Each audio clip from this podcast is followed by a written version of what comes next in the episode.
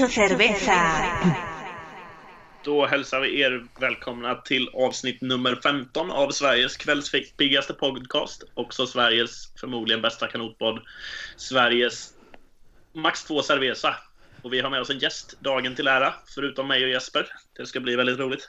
Ja, vi har en gäst på plats. Eh, jag tänkte säga det, jag tycker snart att vi måste ändra vår slogan från Sveriges förmodligen bästa pod podcast till kanske Nordens eller Skandinaviens bästa podcast eftersom vi har fått eh, extern konkurrens. Men eh, vi, vi håller oss ödmjuka och fortsätter säga Sveriges. Vi, eh, som Fabbe nämnde här, har en gäst med oss idag. Vi kommer ju prata om lite vad som har hänt sen senast vi spelade in podd. Vi pratade redan då om att aktersnurren var någon, eh, en liten pelare i vad som stod framför oss. Nu är det bakom oss och vi passade på att släpa hit en gäst lite anknuten till det. Och vem är det vi har med oss Fabbe? Vi har med oss eh, ingen mindre än Christian Svankvist som ju var en av de tre uppstartarna av det här fantastiska arrangemanget. Och förutom det så har han ju en riktigt härlig kanotkarriär bakom sig. Verkligen. Och eh, ja, vi bjuder in Christian i samtalet. Välkommen hit. Ja, tack så mycket. Det är kul att vara här. Ja, känns det som hemma? Ja, men det tycker jag. Jag sitter ju hemma så att eh, mer hemma än så här blir det inte. Nej, jag förstår det. Eh, det är riktigt roligt att ha det här. Vi kommer ju prata mycket om Christian och hans karriär och lite aktersnurren som vi nämnde. Men vi kan väl börja med bara lite avslappnat. Vad, vad, hur står det till i livet hos oss tre? Vad har eh, Christian gjort senaste tiden? Ja, eh, förutom aktersnurren då som var ganska nyligen så har jag varit i Verona med jobbet på konferens. Eh, och det var ju trevligt. Så det var vi i helgen med jobbet och det blev jäkligt mycket mat och dryck och även lite konferens då. Mm. Eh, sen igår var jag på Sverige-Spanien faktiskt på Friends Arena. Okej, spännande. Så det var, ja, det var kul. Så det var också med jobbet. Då, så det var någon eh, leverantör som ville bjuda oss. Vi fick riktigt schyssta platser och en riktigt schysst middag, så det var kul. Och man var ju ganska i gasen där faktiskt när det såg ut som att Sverige skulle vinna med 1-0, men det blev ju 1-1. Men det var väl ganska rättvist får man väl ändå säga. Ja, ja korrekt analys skulle jag väl också säga.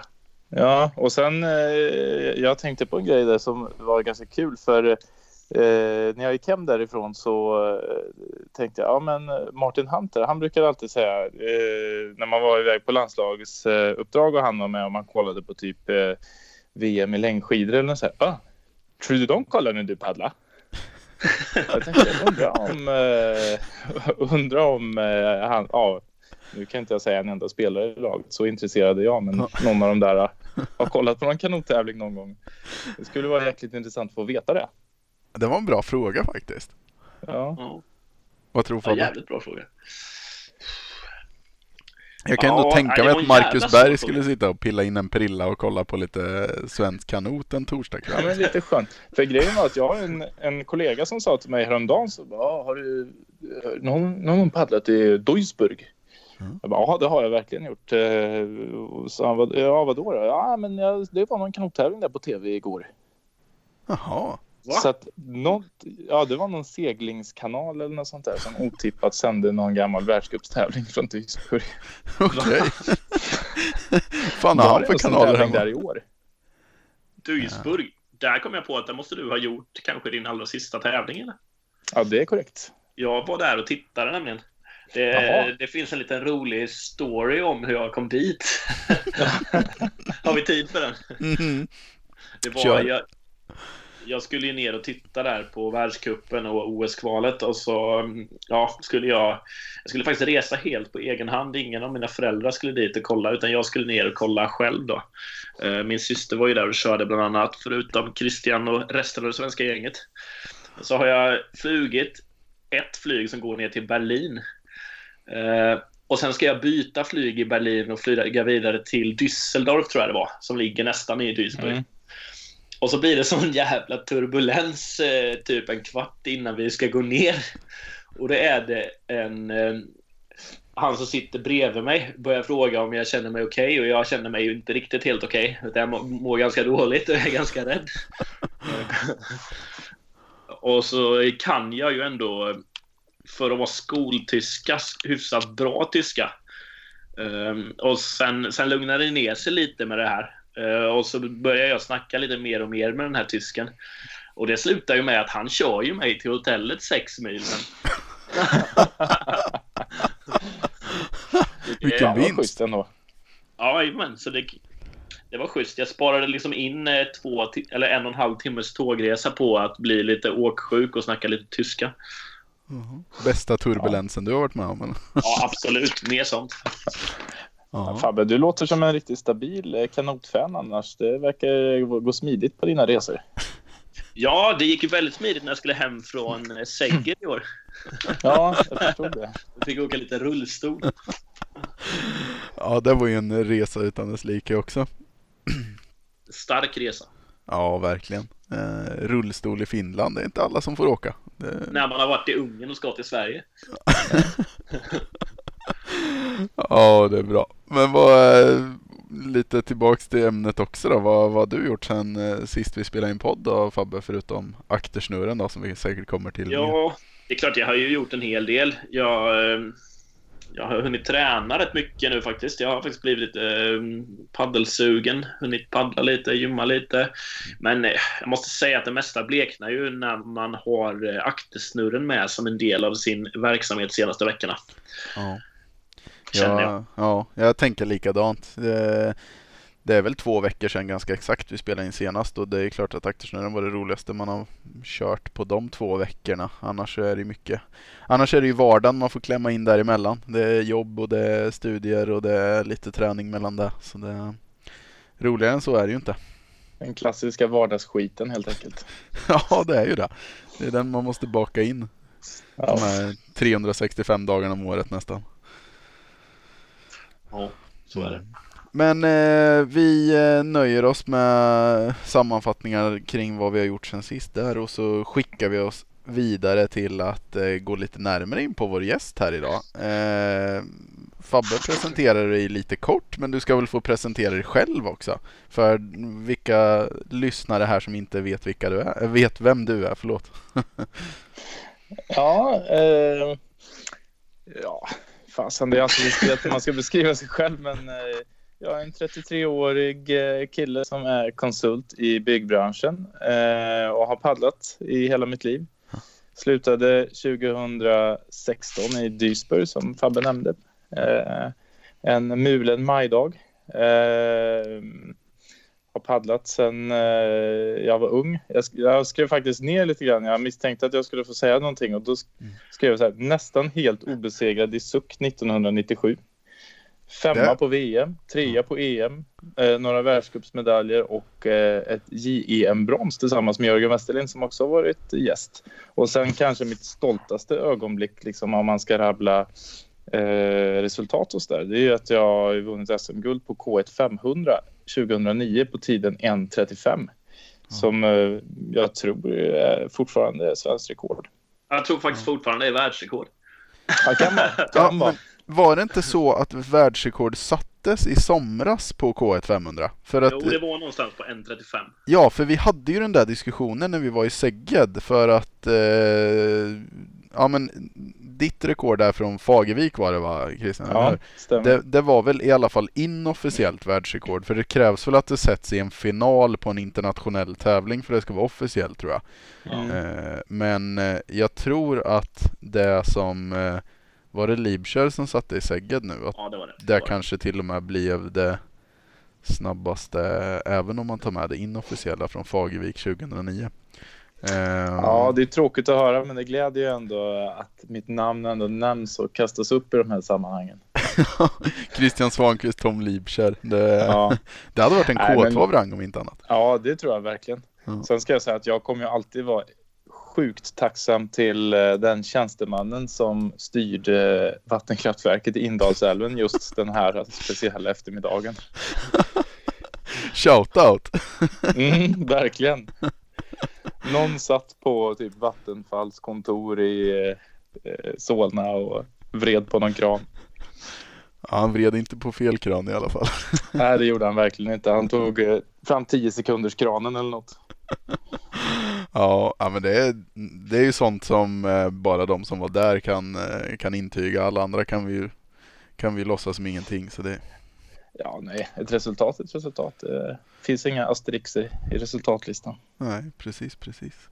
Men, ja, men du lyckades faktiskt. Eh, det var kul att du nämnde flera grejer som jag och Fabbe pratade ihop oss här innan lite om saker vi ville eh, nämna om dig också. Bland annat var ju en fråga där vad din största merit, vad du själv rankade som var. Men det, det spoilade du direkt här.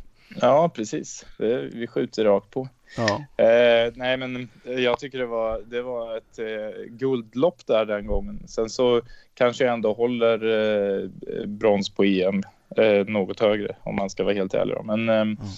men grejen är så här att när man, när man tittar tillbaks, när man har slutat paddla så där och man tittar tillbaks på vad som åtminstone var roligast så tror jag kanske att det ändå var roligare. Mm. Ja, men det kanske så. Kanske så. Ja. Som tur är så behöver man inte välja bort något. Man kan ju tänka på allt när man känner att vardagsskiten kommer i kappen. Det är ju så. Alla minnena kan ju vara värt något. Man måste inte, måste inte prioritera det ena högre än det andra egentligen. En, en rolig grej som eh, någon sa till mig där faktiskt då om vi ska gå tillbaka till Dysburg där när jag klev av. Då, då Eh, så träffade jag av en händelse Mårten Ivarsen, en gammal tränare. Kan vi passa på att namedroppa honom med tanke på att det finns en del lyssnare i Norge. Mm. Eh, och då så sa han om några år så kommer du bara komma ihåg det som var kul och det stämmer faktiskt. Det är ändå mest det man kommer ihåg numera. Mm. Men det är så faktiskt ändå för att vi, vi ska inte sitta här och strö salt i såren men jag tror många ändå kommer ihåg att din ditt avslut på karriären fick ju ett ganska tråkigt avslut på sätt och vis i alla fall. Det kan man väl säga, mer än på sätt och vis. Utan det var nog riktigt jävla skitdåligt får man väl säga. Ja, precis. Men du känner ändå att det, ja jag fattar ju att det, det kommer ju något man bär med sig resten av livet, att man hade velat köra ett OS. Men du känner ändå idag att det är andra saker som väger tyngre i de roliga grejerna. Ja, men det tror jag. Jag skulle säga att i, i vardagen idag så tänker jag ju väldigt sällan på det. Men sen så kan ju det komma upp och eh, det är ju fortfarande någonting som jag är jävligt bitter över. Men eh, eh, det är ju ingenting som jag har med mig liksom till vardags som man säger, utan det är väldigt sällan jag tänker på det överhuvudtaget. Mm, mm. Ja, men det, för det, det är ju faktiskt så när man kommer i livet utanför elitidrotten så så tänker man nog annorlunda på det än när man var i hetluften. Att eh, ja, men är man bara i kanotkretsar då tror jag man värderar sådana här grejer väldigt högt. Men när man börjar umgås med folk som inte är i kanotkretsar inser man ju att annat folk kanske inte värderar idrottsprestationer lika högt och då går man ju inte och tänker på det lika mycket. Nej, alltså en lustig grej är att eh, min chef, han brukar alltid introducera mig om vi är på möten och säga ja det är Christian, ja, han är gammal OS-paddlare. och så jag säger alltid till honom bara nej det är jag inte alls, du måste sluta säga det till folk för det är inte sant. Ja, ja. Eh, men han har ju snappat upp att jag var på för-OS i Rio. Och han tycker ju att det är typ samma sak. Ja. Så folk fattar ju liksom inte. Nej, nej. Men det, ja, det är lite lustigt. Ja, ja. Ja, verkligen. Det är det. Eh, jag tänker, ska vi skjuta hårt här och gå på uh, lite frågor vi har fått med oss? Vi har ju både en klassisk programpunkt som det har blivit här när vi har gäster. Det är ju fem snabba. Det är inte alltid... Har du lyssnat på något av de andra avsnitten när vi har kört fem snabba? Ja, absolut. Ja, så du vet vad det är som gäller. Det är snabba svar Eh, och sen utvärderar vi efteråt. Eh, ja. Och sen eh, har vi ett gäng med eh, lyssnarfrågor eh, som kommer senare då, som vi kanske har längre svar på med en gång. Vi ja, kanske ska börja med de fem snabba. Vad säger du Fabbe? Ska, vi, ska du köra dem? Ska jag köra dem? Ska vi ta varannan? Ja, jag börjar så kör du andra och så fortsätter vi den. Då drar vi varannan. Ja. Är du redo Christian? Här... Jag är redo. Då kör vi. Här står det så mycket som Bud Light eller Hoff i PET? Ja, det är som att välja mellan himmel och himmel. Jag säger eh, ändå Bud Light för jag saknar det. Det är sällan man dricker det. det är bra. Eh, Spirit of 72 Arena eller Nöjesfabriken? Oh, eh, uh, Let Spirit of 72. Huh? Uh, Tävlingssäsong eller försäsong? Eh, eh, tävlingssäsong lätt. Hofors eller Luleå? Ja, Hofors. Eh, elitidrott eller Svensson Svensson? Svensson Svensson-livet liksom. Eh, ja, jag säger nog... Eh, ja, vad säger man? Elitidrott säger jag. När vi ändå var inne på Svensson Svensson då. Erik Svensson eller Anders Svensson?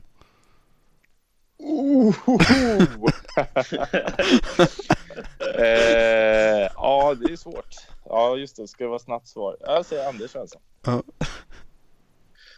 då har vi ju någon inskickad fråga här som kan vara lite svår att tyda, men vi tar den med. Det står Ja. så mycket som eh, Hempas morsa eller Bengt Bengtsson. Ah, Vi fattar ingenting. nej, men jag kan, vi kommer till förklaringen, men då säger jag eh, Bengt Bengtsson. Får jag förklara det sen. Ja. Eh, sista men inte minsta frågan. Kanotnytt eller Max 2 Cerveza? Ja, men eh, lätt Max 2 Cerveza, även om Kanotnytt var grym på sin tid. Ja, Kommer det du är ihåg den eller? Ja, jag mm, kommer typ ihåg den. Jag, jag vet att det står hemma hos mina föräldrar, så står det en sån här vad heter sådana som man ställer tidningar av samma sort i? mm, tidningsställ. Ja, just det. Ja, tidningsställ så står det en sån kanotnytt typ 98 till 02. Vi har någon gammal keps ligger på kanotklubben hemma som så här brandad kanotnytt på.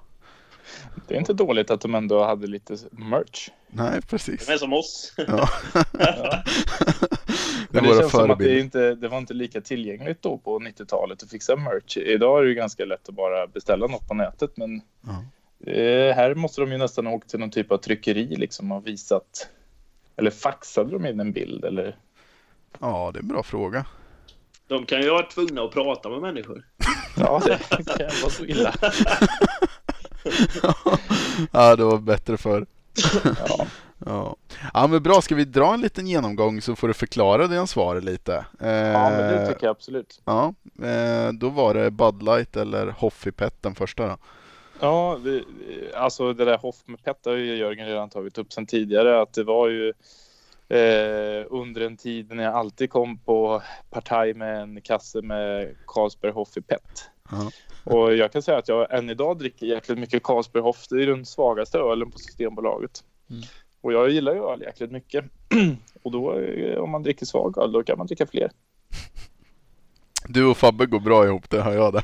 Ja, och sen så, eh, ja men vad fan. Det, det är också Fabbe, du är ju lite yvig i gesterna och sådär. Det gör ingenting om man ta, tappar kassen liksom. Nej, du håller den. Ja, Det gör ju inte de där förbannade Guldkällan-burkarna utan nej, nej verkligen inte. Men sen så, eh, Bud Light är också fin. Det är ju liksom, det är lite samma som Hoff ju. Ja. Det, det smälter lätt. Ja, men det är bra. Eh, och den andra var det Spirit of 72 eller Nöjesfabriken då. Det var någon inskickad lite intern fråga tror jag. Eller vi var inte med på vad den innebar riktigt i alla fall. Nej, men Nöjesfabriken det var ett eh, uteställe som fanns, eller kanske finns fortfarande i Karlstad, som vi var mycket på. Under en period så var ju Karlstad liksom hubbet dit alla, eller alla, men många seniorer liksom samlades för att ha bra träning tillsammans. Och då, om vi skulle gå ut så var det ju nästan alltid Nöjesfabriken som gällde. Det, Ja. det var en sjukt stor liksom, så att man alla, man, det var aldrig några problem att komma in liksom. Men sen eh, Spirit of 72 som jag valde, det var ju helt enkelt, vi kollade på Super Bowl i, eh, på The Tiki Bar i, eh, i Florida där på det området man bor så ligger det en liten, liten bar dit man ofta gick. Eh, och då var det i alla fall en gubbe där som höll på att tjata om Spirit of 72 hela tiden. Som var när hans favoritlag gick obesegrade genom en hel NFL-säsong. Och nu höll ett lag på att göra det igen då sen första gången sedan 72. Men, eh, och han höll på att åka på spö på kuppen där för folk blev så sura på honom. Så det där har etsat sig in i bland annat mitt och Jörgen och Jakob Holst och några andra som var därs minne. Ja, just det. Ja, men det är kul. Vad hade vi för tredje fråga Fabbe? Vi hade så mycket som eh, tävlingssäsong eller försäsong. Jag har aldrig gillat försäsong alltså. Du gillar inte. Florida och solobad alltså? Ah, jo, men fan, det är också förknippat med mycket liksom att snart så drar det igång och man har haft en ganska skön höst och eh, ja, nej, ja, jag tyckte att det var lite jobbigt faktiskt. Jag var nog mer för när man väl hade kommit igång och kommit hem och liksom hittat vardagen i Sverige och det har blivit lite finare väder och sådär. Jo, Just den här tiden mellan att man kommer hem från vårläger fram till ja, första svenska tävlingen, den, det tyckte jag det var alltid den värsta tiden på hela året. Ja. Ja, den, eh, den var ofta kall. Så är det. Ja, men det är Det- kallt och man är nervös. Och, nej. Det är lite Baxvard-regatta över hela den perioden liksom. Ja, ja, ja, på något sätt så om man ska liksom koka ner det till någonting så är det ju precis det det är. Ja. Det, det kommer i Svenska Akademin eh, så kommer det finnas en synonym till hundår om ett år. Baggsvärregatta. Ja, precis. Helt enkelt. Ja, nej, fy fasen alltså. Ja, för övrigt så eh, ett år när vi var i Barksö, det var ett av de första åren vi var där. Det var nog andra året som Sverige började åka dit ganska liksom stabilt med och vi hade lite uttagningar och sådär. Och då skrev jag, jag hade en blogg på den tiden som var ja, hyfsat läst liksom. Och då skrev jag om, hur- ja, ungefär som ni har pratat om Barksö, vilket helvete på jorden det är. Eh, och då hörde faktiskt eh, deras tävlingsledare av sig till mig på mail eh, efter bara någon timme och ja, så hade vi lite utbyte där om vad de kunde bli bättre på.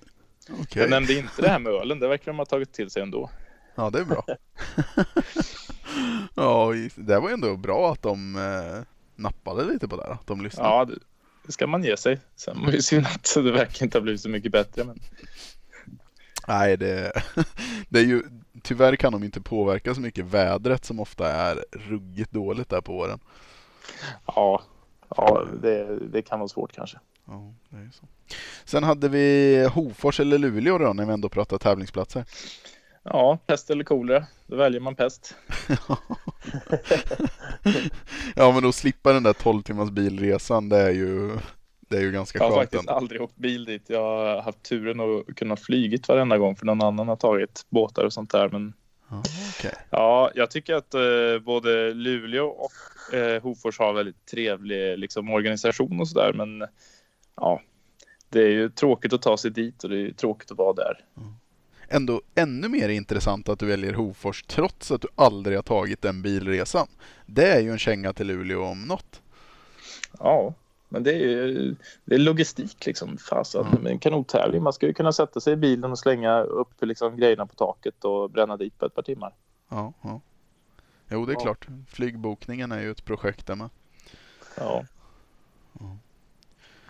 Då tar vi nästa fråga där då. Kör. Elitidrott eller Svensson Svensson Life? Om man tänker, vi, vi tog den för jag, jag har en känsla av att du tyckte det var ruskigt roligt att vara elitidrottare men vi hade även en känsla av att du tycker att det är rätt gött att inte vara det längre.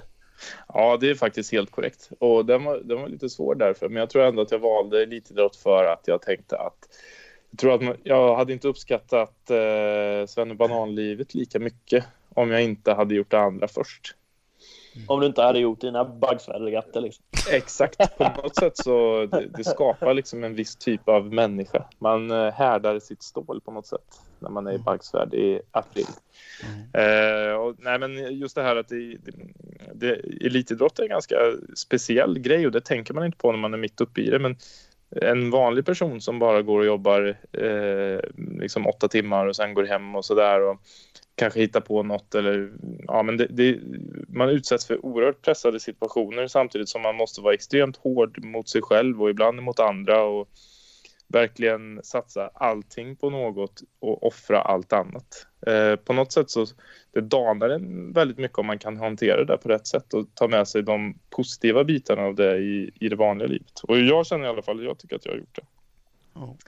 Ja, jag håller verkligen med dig om det. Att, eh, som säger, att man uppskattar nog inte Svensson Svensson-livet om man inte har testat på det andra. Det är jäkligt bra sagt faktiskt. Jag, jag kan ju njuta så jäkla mycket när jag kommer hem från jobbet eh, lite tidigare någon dag och så tänker jag så här, ah, perfekt, nu ska jag dra ut och paddla en sväng. Nej, jag skiter i det, köper lite gott och lägger mig på soffan, kollar en film. Ja.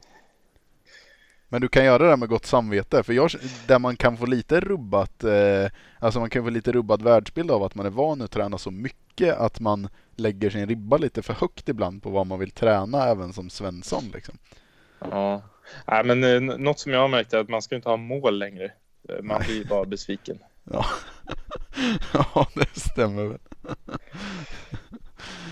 Ja, det är bra. Vi kommer till en... Eh, jag kan gissa på att det kanske var den svåraste frågan. Eh, Erik Svensson eller Anders Svensson. Nu vill vi ju inte rikta något personligt här, men jag tänker du, du har ju paddlat... Bakgrunden är att du har paddlat väldigt mycket K2 med båda de här personerna. Så att det därför var en intressant fråga. Ja, eh, och, då, och jag har ju eh, på något sätt haft, eh, det har ju varit resultatmässigt mina två bästa K2 också. Mm. Eh, men jag valde nog ändå Anders till slut för att eh, fan jag saknar honom, det var länge sedan jag träffade honom. Eh, bra grabb. Nej men han, vi körde ju K2, han är ju tror jag nio år äldre än vad jag är. Så när jag var 19 bast så kom han hem till mig när jag bodde hemma och så tränade vi K2 liksom och sen så satt han och snackade med morsan och farsan medan jag gick iväg och gjorde något annat. och eh, där, men, han, eh, han tog hand om mig där och lärde mig eh, mycket och eh, eh, han gjorde mig till den jag är idag. Nej men eh, han, han lärde mig mycket och han var jäkligt schysst och hade nog inser jag efterhand överseende med jävligt mycket idiotiska grejer som jag höll på med för att jag var liksom en 19-årig puckad grabb som trodde att jag visste allt. Ja, men intressant. För dålig uppslutning på uh, honom på aktersnurren kan vi tycka. Ja, verkligen. Verkligen. Mm. Ja, vad, ja, men bra svar ändå. Vad säger ja. du Fabbe om nästa fråga?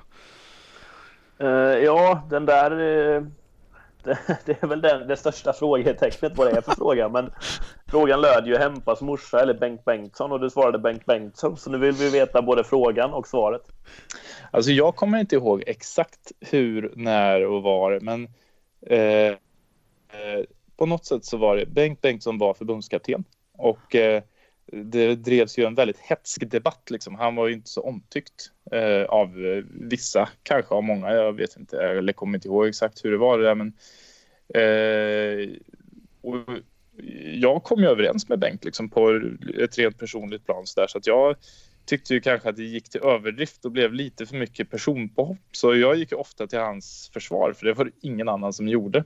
Mm. Eh, och eh, då kom jag ihåg att eh, det var någon som sa att eh, Hempas morsa skulle fan göra ett bättre jobb på, som förbundskapten än vad Bengt Bengtsson skulle göra. Och då hävdade jag att, uh, att det inte var så. Mm. Och sen vet jag inte om det var då jag nästan åkte på spö faktiskt. Eller om det här är olika. Men det var någon gång i alla fall som jag eh, nästan fick på käften faktiskt. Eh, på, det var nog på Fridays i, i Östermalm. Vi, vi satt och snackade om det här då, och eh, faktiskt en av få gånger som jag har sett eh, ja nu kanske jag inte ska namedroppa vem det var här, men en person som är känd för att bevara lugnet oerhört länge. Oj. Som eh, ja, nästan eh, faktiskt gav mig en rak höger. Men och det hängde, ihop, det, det hängde ihop med det här alltså, eller vadå? Ja, precis. Det hängde nog ihop med att jag så att säga tog kulor för Bengt Bengtsson under en ja, tid. Okay. Ja. ja men eh, det var ju ändå en kul story och en kul grej att, eh, att ni kom ihåg det här. Det här känns ju som en sån grej som hade kunnat fallit mellan åren bara att man inte kom ihåg den anekdoten. Nej, nej, verkligen. Den, eh, det påminns ju om det ibland. Jörgen var ju med bland annat och Jörgen var ju kanske en stor anledning till att jag trots allt inte fick spö den där dagen. ja, spännande. ja. Men eh, ja, vi hade en fråga till, den kom vi in på lite här, men eh, det var ju kanotnytt eller max 2 Cerveza då. Det var dåtid mot nutid. Ja, det, det, allting var ju inte bättre förr. Nej, så är det ju. Det mesta. Ja, det, det mesta. ja. ja. men inte allt. det var inte alla som hade fri tillgång till att lyssna på Fabian Paldanius på eh, Spotify och Acast och eh, iTunes på den tiden helt enkelt. Nej, och på något sätt så vill man ju ha det. Ja, jag kan känna det med. Livet är inte riktigt komplett utan det. Nej, jag, jag, jag håller nog faktiskt med dig. Ja. Bra. Ja men grymt, bra jobbat. Eh, jag tänker att vi eh, skickar oss vidare på lite mer eh, öppna lyssnarfrågor som vi fick då, som inte hör till de fem snabba. Mm. Vi hade ju, ja, några frågor har ju du sett redan säkert som låg i kommentarsfältet. Vi kan ju börja med det. Då var det ju Danny Halmén där som hade frågat hur hittar man det? Eller var hittar man det? Mm. Det där är alltså det blir så jäkla internt. Vem kommer vara intresserad av att lyssna på det här? Men Jag tror de, fall många är det. ja, ja, ja, men vi, vi kör på. Man kan ju klippa som sagt. Men, eh, nej, men eh, det var så här att eh, Anders Gustafsson eh, kämpade ju på i många år och var en av, eh, ja vad ska man säga, en, eh, en världspaddlare av rang. Men inte riktigt liksom en av de här allra, allra, allra bästa. Och sen, eh, ja det var något år, jag kommer inte ihåg när det var, men så eh, helt plötsligt så började han vinna en massa tävlingar och han var liksom ja, en av de absolut tre bästa i världen på paddakanot kanot helt enkelt på här sidan. Och eh, då var, var det citatmaskinen Anders Karlsson som sa eh, han har hittat det. och det var extremt eh, svårdefinierat vad det här det var och eh, eh, ja, det är väl många som har gått och funderat på vart hittar man det? Hur hittar man det? Vad är det? Vi kanske kan få ett svar av mannen med Instagrams konstigaste namn. Jaha. Det var en massa siffror.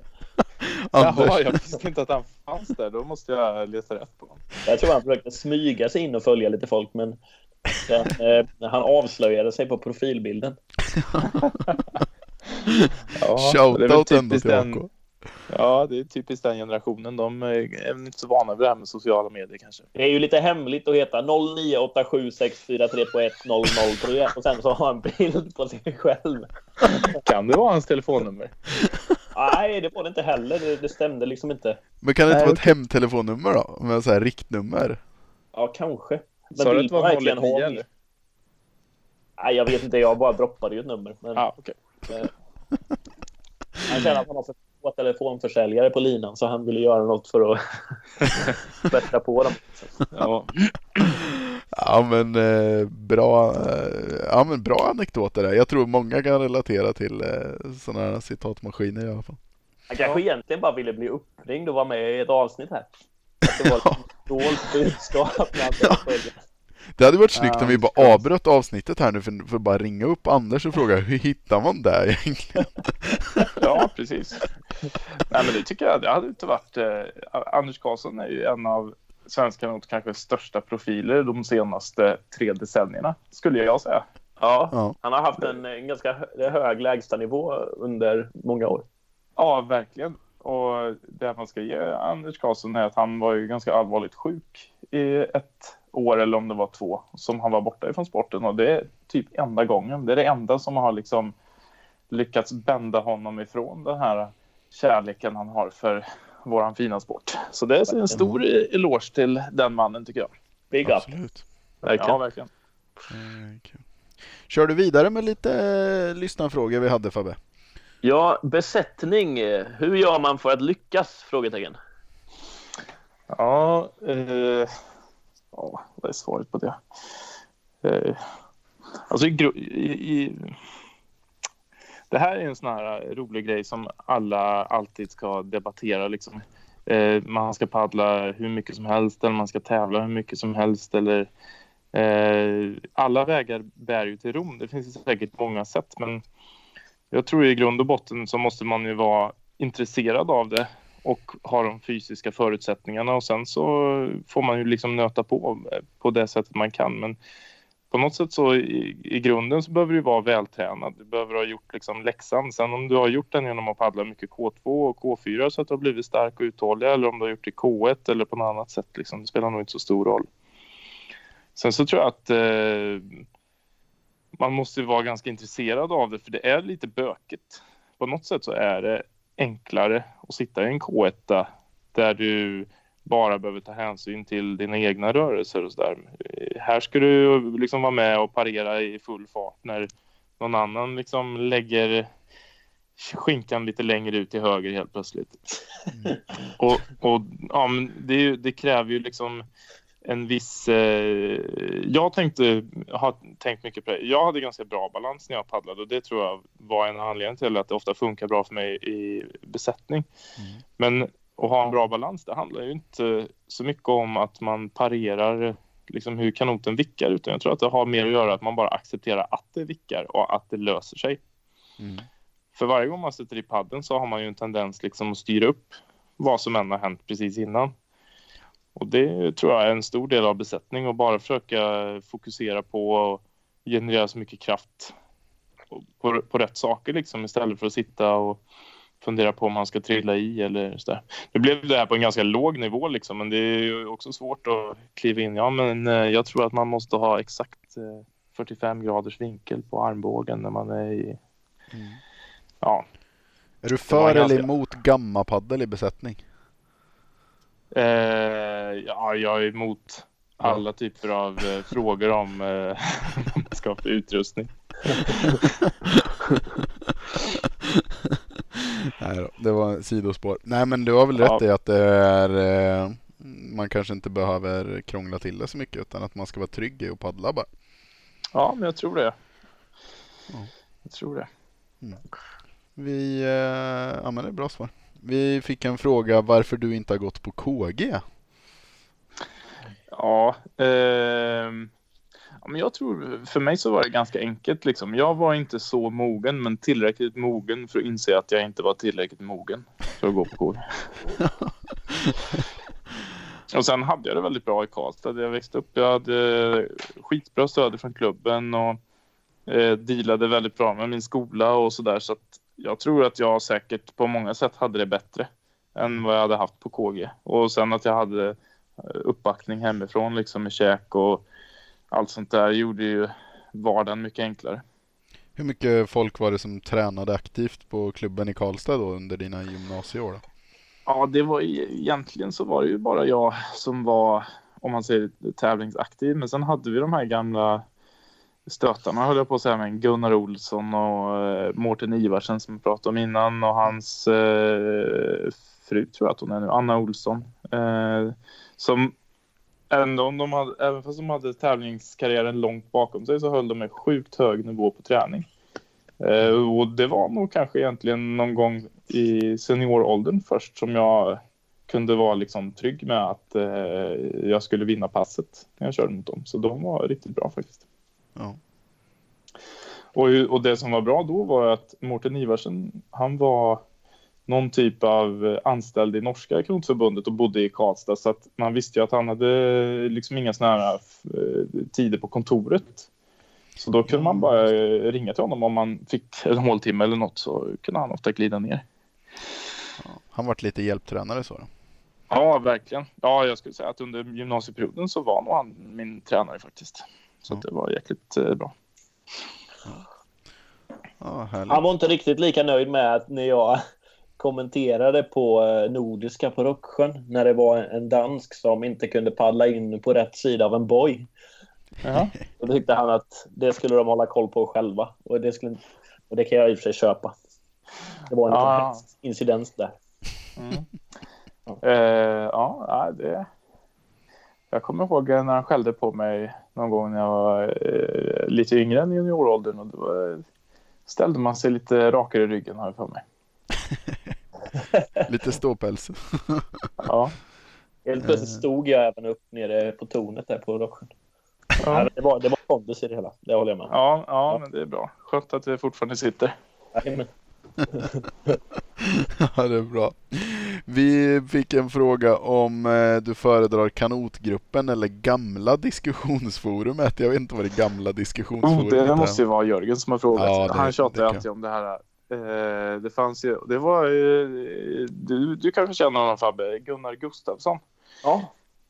Eh, han hade en eh, som eventuellt Laszlo Varga, om vi ska fortsätta att namedroppa, eh, var med någon sorts eh, ja, diskussionsforum bara som var webbaserat. Och det här var ju då Innan Facebook va?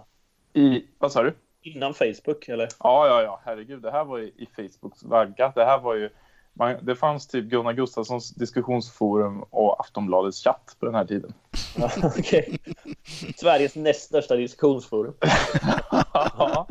Nej, men det var ganska roligt då, för att då folk var inne och skrev och var ganska frispråkiga och eh, eh, ja, jag, jag har ju sett på kanotforumet att folk kan vara det också, eller kanotgruppen att de kan vara det också, men här var det lite mera down to the point liksom. Eh, har juniorerna skämt ut oss på junior-VM liksom i Japan eh, och så vidare.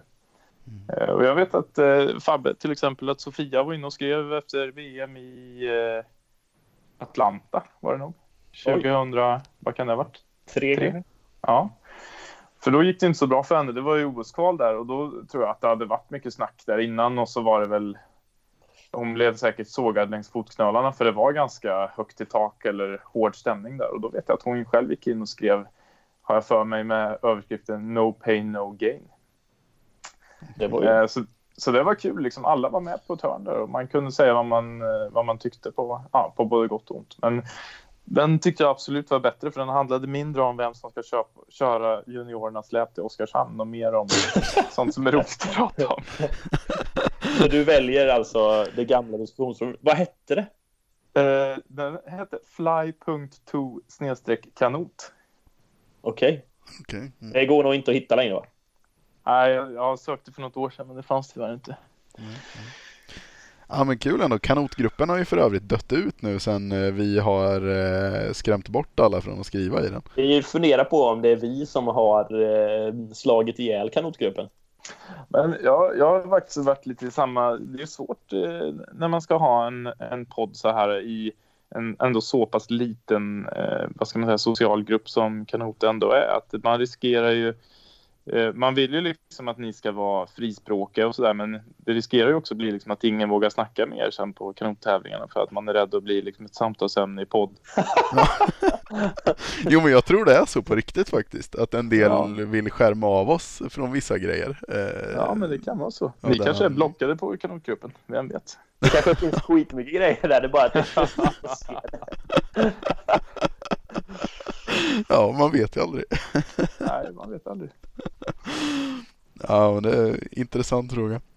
Eh, nu kom vi fick en till kul fråga. Eh, det var, eller ja, det kommer fler, men den här hur du har lyckats eh, snacka dig till en champagne på ett flyg från USA. Ja, alltså har Jörgen skrivit alla frågor eller? Det här, Nej, det här men var... han, han har bidragit med en hel del. Nej, men det här var vi skulle flyga dit, eh, det var nog eh, 2008 kanske. Det var nog för övrigt det här eh, Spirit of 72-året. Och jag har alltid haft svårt att sitta ner så där länge och hade jäkligt tråkigt liksom där. Så jag var uppe och gick och drack jävligt mycket cola i den här, liksom, det brukar finnas en vätskestation längst fram eller längst bak liksom. Mm. Och då eh, stod jag helt enkelt där och drack mycket cola och så visade det sig att eh, det var en flygning från Tyskland tror jag till eh, Orlando eller New York eller något sånt där. Och då var det Lufthansa med en tysk besättning men så råkade det vara en svensk dam där som jobbade. Så vi stod och snackade där i ganska många timmar, nästan hela flighten, av och till. Och eh, ja, hon berättade lite eh, att hon bodde i Spanien och hade en kille som var otrogen och lite sånt där. Och jag öste väl på mina grejer, paddling, paddling, paddling liksom. Och sen på inflygningen så eh, kommer de fram till mig och så bara du, eh, tack så mycket för en himla trevlig flight. Eh, du får den här flaskan ja, för, som tack för underhållningen. Okej. Okay. Var det ett telefonnummer med på flaskan? Ja, det var det inte. Hon var kanske tre gånger så gammal som jag, men eh, ja, nej, det var no strings attached så att det var dåtidens Tinder. Ja, nej, nej, fan, det var, eh, jag hade, det var rent platonskt. Men eh, oerhört trevligt faktiskt och en av mina bästa flights. För som sagt, jag hatar de där långa när man ska sitta och sitta och sitta. Men här stod vi uppe i nästan åtta timmar i sträck. Ja, ja det är bra. Fabbe, du får fortsätta köra. Vi, vi har ju några till frågor som jag tror vi kan erkänna nu att de är, de är från Jörgen. Så, men, det, men det är ju, de är ju kul så vi kör vidare. Ja, eh, jag tror att det här är någon form av frukostfråga. Men koktid för det perfekta ägget. Ska det ens snudda vattnet? ja, jag har fått så mycket skit för mina ägg genom åren alltså. Jag är sån, jag älskar ju att äta på morgonen. Jag vaknar ju varje morgon och tänker mat. Eh, och ägg är ju jäkligt mättande. När man tränar mycket så måste man ju nästan trycka i sig några ägg varje morgon för att orka till lunch. Mm.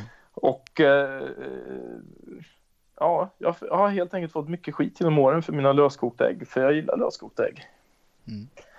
Eh, och det som är fördelen då när man får skit för sina löskokta ägg det är att just löskokta ägg ger en mycket bra ammo för att ge skit tillbaks så att säga. Ja, just det. Men jag kan säga att numera så kokar dem i sex minuter. Det är bra. Shoutout ja, till sex minuters regeln. Ja, verkligen. Och sen undras det om du har kört mycket skidor också. Ja, för vi har varit inne på Anders Karlsson och det är ju den mest klassiska Anders Karlsson. Det var ju faktiskt så att eh, vi kommer komma in på det här ännu mer Anders Karlsson eh, senare, men mm. eh, har jag tänkt. Men ja. eh, jag kan ju bara säga just den här. Det finns en odödlig, ett odödligt Anders Karlsson citat och det är ju just det. Vi var på skidläger Onnaboda. Gunnar Olsson var förbundskapten, hade med sig AK som någon sorts eh, ställföreträdare där då. Och vi skulle köra ett 10 kilometers lopp. Och eh, Erik Gustafsson var ju med då, som hade tävlat eh, lite grann i skidor. Och då frågade han med sin härliga Kumla-dialekt. Erik, har du kört mycket 10 kilometer förut? eh, och jag vet inte, vi vidareutvecklar den där till eh, har du kört mycket skidor i vinter? Och sen har ju det där blivit liksom ett citat som för en utomstående helt hjärndött. Men har, man, har man hängt mycket med Anders Karlsson så är det ändå roligt. Och det roliga med de här Anders Karlsson-imitationerna som jag ändå får erkänna eh, att jag har varit upphov till eh, de flesta. Att de har liksom fått ett liv i sig självt. Att det finns ju de som imiterar folk som imiterar Anders Karlsson och det är ju liksom det största som har hänt i mitt liv kanske. Ja. Men... ja min, min känsla av, jag har ju hört de här historierna mm, på lite avstånd så, så det, det jag har hört av de här historierna är ju folk som imiterar Anders Karlsson. Ja. Och det i sin tur att man har testat sig på det här att imitera folk som imiterar. Ja. ja. Och sen undrar man ju så här, är det någon av de här imitationerna som ens är lik? Vi kan ju, vi kan ju släppa, eh, vi ska inte avslöja för mycket men eh, om man är lite eh, iakt, om man iakttar bra så kan man ju veta om att våran, våran podd har ju ganska bra anknytning till mm. ett sånt här citat. Jag tänkte komma till det sen faktiskt. Ja, du tänkte det? det, det vi kan ta det med en gång kanske. Ja, kör då, kör då. För det här Max 2 Cerveza, eller eh, som Anders Karlsson säger då. Max 2 öl. efter, eh, jag satt faktiskt och tänkte på undrar, undrar när det föddes liksom. Och det, som jag minns det där så var det efter eh, förbundet hade någon maratonsatsning för de som var första års äldre ungdom då de fick eh, träna lite lyft hemma med någon och sen drog de iväg på någon tävling någonstans. Och då första året de körde den här satsningen då drog de till Polen och Anders Karlsson var ledare. Och just 84 det var ju ett jäkla rövargäng. Eh, så de krökade ju till på färjan på vägen dit. Eh, alltså, så det stod härliga till. Det finns någon story om en eh, som inte kommer nämna sin namn eh, sitter i någon våningssäng och kräks över kanten rakt ner i någon annans väska och sådana grejer. Eh, det låter som Norrmännen på Arktis nu. en vanlig dag i en paddlares liv. Nej men ehm, eh, i alla fall så eh, när vi sen då blev eh, junisar och Anders Karlsson hade hand om oss så tog han ju upp den här incidenten inför att vi skulle åka på junior-EM i posten 2004 kanske det var. Eh, och då säger jag så här. Kan vi komma överens om att vi dricker ingenting på vägen dit i alla fall? och sen så var det just där att eh, på kvällen där att det är max två öl. Ja, det där är ett sånt legendariskt citat som verkligen har burits vidare generation ja, efter generation. Genom generationer, ja. ja. ja. verkligen. Är de riktigt starka så är det ju en bra tumregel för en hyfsad utekväll. Ja, men faktiskt, det, det är det. Men då är det inga hoff på petflaskan man får gå efter kanske. Nej, för det ger inte ett skit. Men man måste ändå ha rätt bra pondus i det man säger om det liksom bärs vidare från kanotist till kanotist. Ja, Och lever verkligen. kvar sådär cirkus 20 år senare. Verkligen. Och en, en annan som inte tyvärr fick samma bett med sin, även om jag har jobbat ganska hårt för också, det var ju Bengt Bengtsson som eh, han körde ju en annan variant. Han, Bengt var ju lite li- liberalare än Anders när det gällde det här med alkohol. Han ville framförallt inte dra en gräns vid två öl. Så han, han sa så här.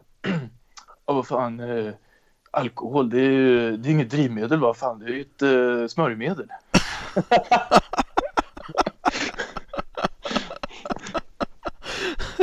Bra, bra citat ändå.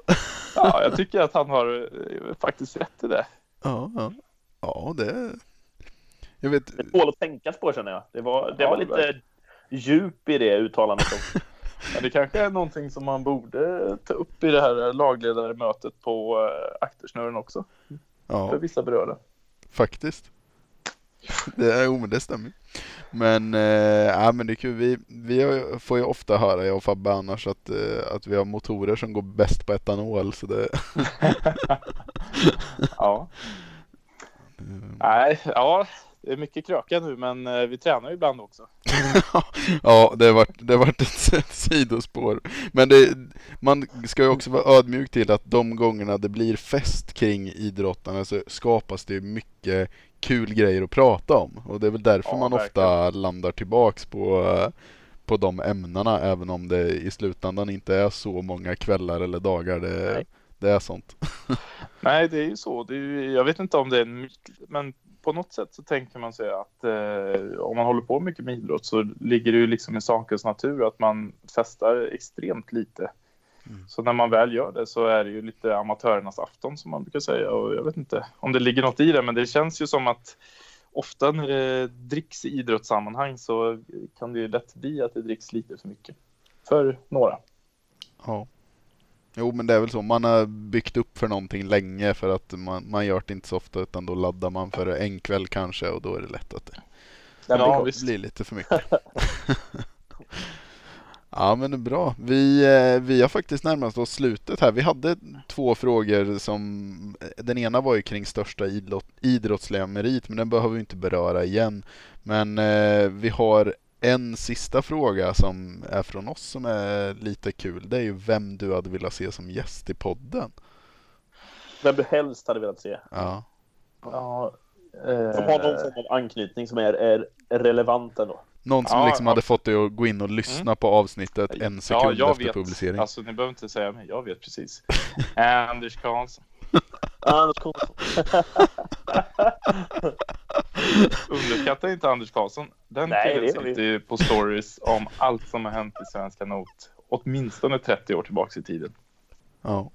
ja det är Men förutom det så tycker jag att det skulle vara kul. Eh, eh, Peter Menning fick ju en del skit här inför VM till exempel. Hade ju varit roligt om eh, han fick eh, chansen och eh, försvarstal. Ja, berätta hur han tänkte och var, var, varför han gjorde som han gjorde och vad han tycker om det. Petter blir ju högaktuell inför nästa säsong dessutom. Så Ja, det tar vi med oss. Mm. Hur, hur är det förresten, det här är jäkligt dåligt, eh, men eh, ha, vet man om Petter har kvalat i OS eller vet man att han inte har gjort det än? Han har inte gjort det än, men det finns väl ja, stor chans att han får en plats va? Fabbe, du är ju expert på det här nästan. Ja, eh, det var ju ruskigt krångligt i år, men jag tror att det är ett antal länder som har, som har för många herrar kvalade. Och om de då väljer att lämna tillbaka en plats på just hans sträcka så kommer det trilla dit en. Och sen så får du inte glömma bort det faktumet som hände inför förra OS att eh, halva startfälten blev bortdopade ungefär. Ja, då, det. jag tror vi kommer få se Petter i Tokyo i alla fall.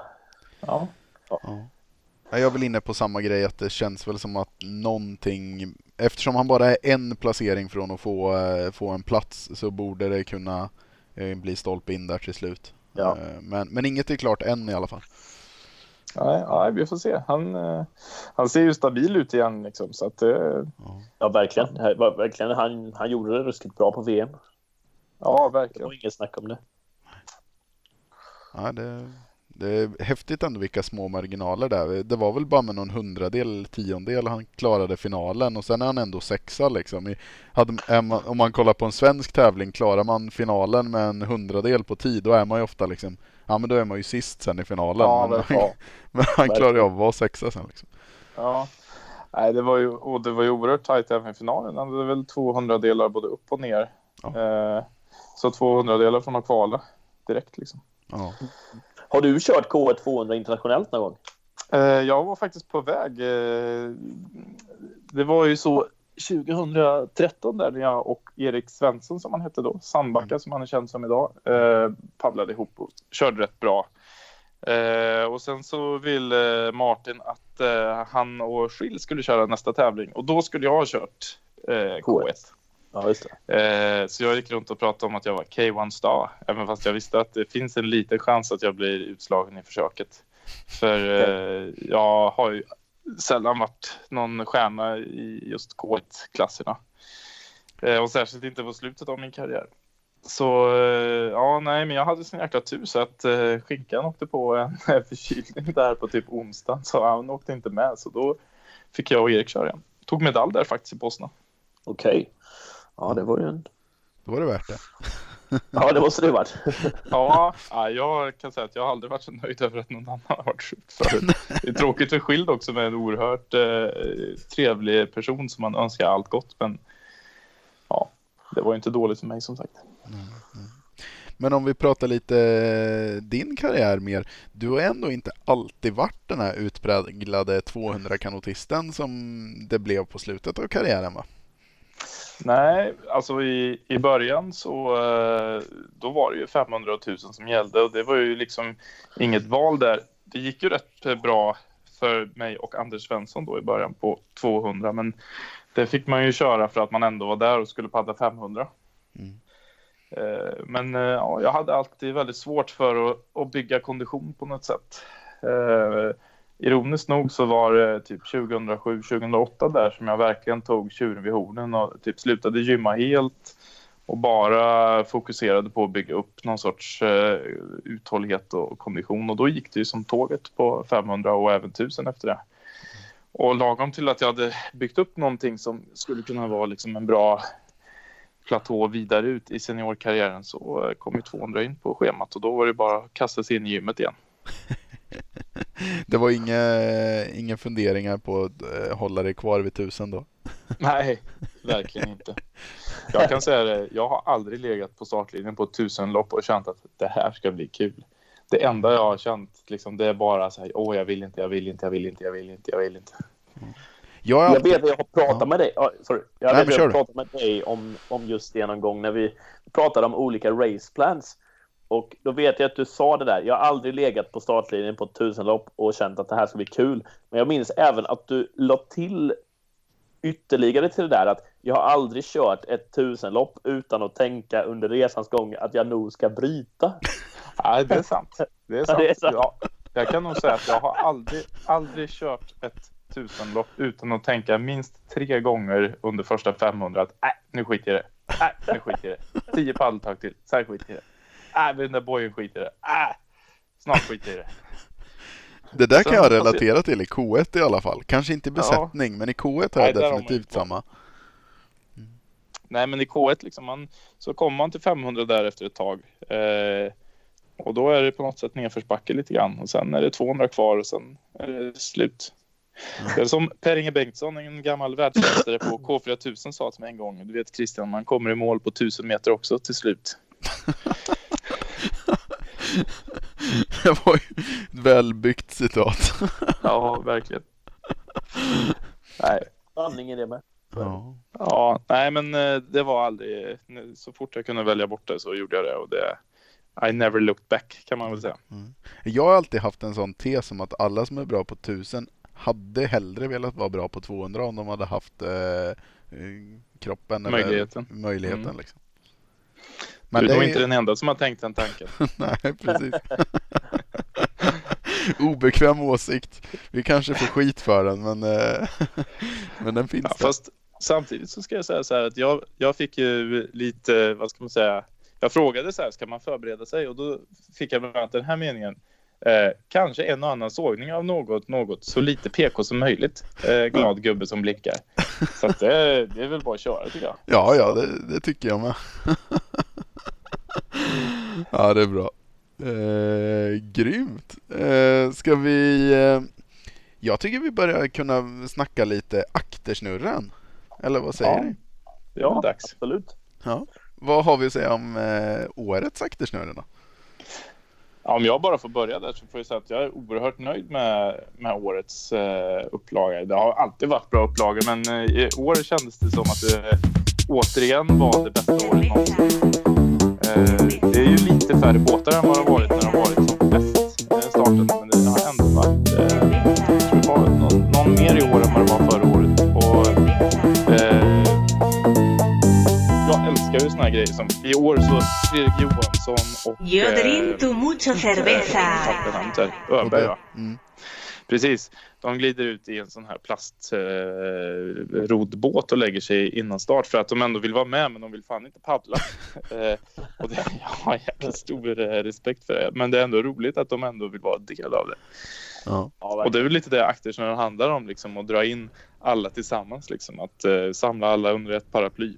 Att nu har alla som ska vara seriösa varit det klart för i år. Nu kan vi träffas och göra något kul som är helt kravlöst. Eh, man kan flika hur mycket man vill med utklädnad eller om man inte vill paddla eller paddla eller sätta sig i någon jäkla plastbåt och ja, Var lite fritt.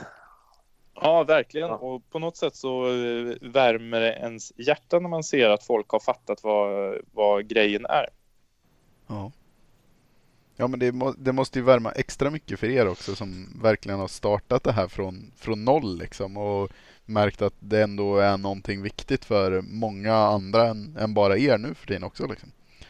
Ja, verkligen. Det var ju Jörgen som hade den här idén från början och den eh, grundar sig lite i Jack for a Stack som var en kanottävling som gick i Florida på, eh, för mig att det var påsk, påsk, ja, någon, vid något tillfälle i alla fall så hade kanadensarna en tävling där även alla andra som inte var från Kanada fick vara med som gick ut på att man körde någon sån här uh, forskanot typ runt en, boy, en, en Fors K2 eller någonting. Eh, och så var det utklädnad och eh, ja, massa lottade priser och grejen var väl egentligen bara att de var så himla många där. De var ju säkert 100 personer minst ifrån kanadensiska klubbar och regioner och allting. Att alla skulle få chansen att liksom nätverka lite grann och att man skulle kunna sitta med Adam Vancouver fast man var liksom en 13-årig tjej med tandställning som aldrig hade, ja i och för sig alla där hade väl tränat och tävlat lite grann men ja. Som ändå var långt ifrån att vara bäst i världen på att paddla. Och lite grann så är det den andan vi, vi vill få med att, att eh, jag glömmer till exempel aldrig Jakob Holst stora syster som var där för att titta och så behövde vi ha en reserv och det behöver vi ha varje år. Ja. Eh, och då hoppade hon in och råkade hamna i samma båt som Anders Gustafsson. Och säger att hon, nu kanske jag förolämpar Anna Holst här, men säg att hon hade paddlat min, eller maximum fem gånger i sitt liv. Ja. Eh, men hon var så jäkla nöjd över att få paddla med Anders Gustafsson. Och bara det är ju liksom en, en rolig grej. Meningen är ju att alla de här personerna ska träffas. Och, och ja, men eh, också överbrygga lite så generationsglapp och lite sånt där. Och sen hade vi gärna sett att flera av de här gamla stofilerna och sådana som har slutat paddla, typ jag själv men också ja, några år äldre, kommer tillbaks och, och tar några paddeltag och kommer ner på kvällen och tar några bärs kanske och snackar lite och berättar lite historier om sin tids Anders Karlsson eller vad det kan vara.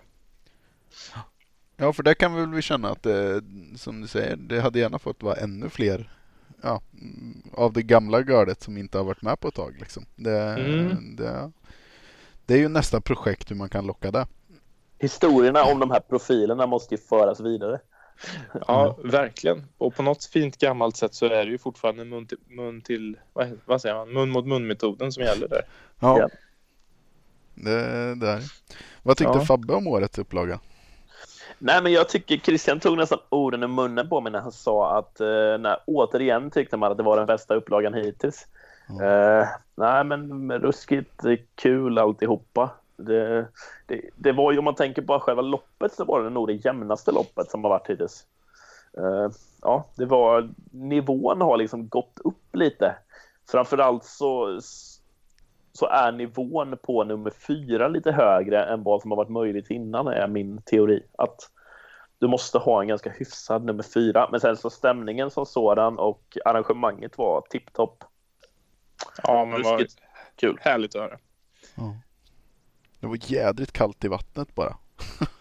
Ja, är Det var det enda negativa. Nej, det, ja, men det, var, det var nog det enda negativa jag kan säga om hela helgen tror jag. Ja, se, vi kanske kan installera någon liten värmepump där uppe i ån som värmer upp allt vatten. Jag kom Exakt. att tänka på en liten rolig grej. Du Ja. sa ju det att, där, att man, Eh, man... Man behöver ju varje år en reserv. Och om jag förstod prognosen rätt där så var det ett tag så pass kritiskt som att man behövde tre reserver. Det kan ha varit ja. Alternativt en min. Ja, just det. Och då stod vi och diskuterade att ska de gå ut och efterlysa tre reserver eller ska de gå ut och säga vi behöver någon som vill hoppa över och paddla. Jag tror att det har varit många händer i vädret. Ja, jag tror med det. Men det är ju faktiskt så väl förspänt i Nyköping att det finns något så unikt som en K3.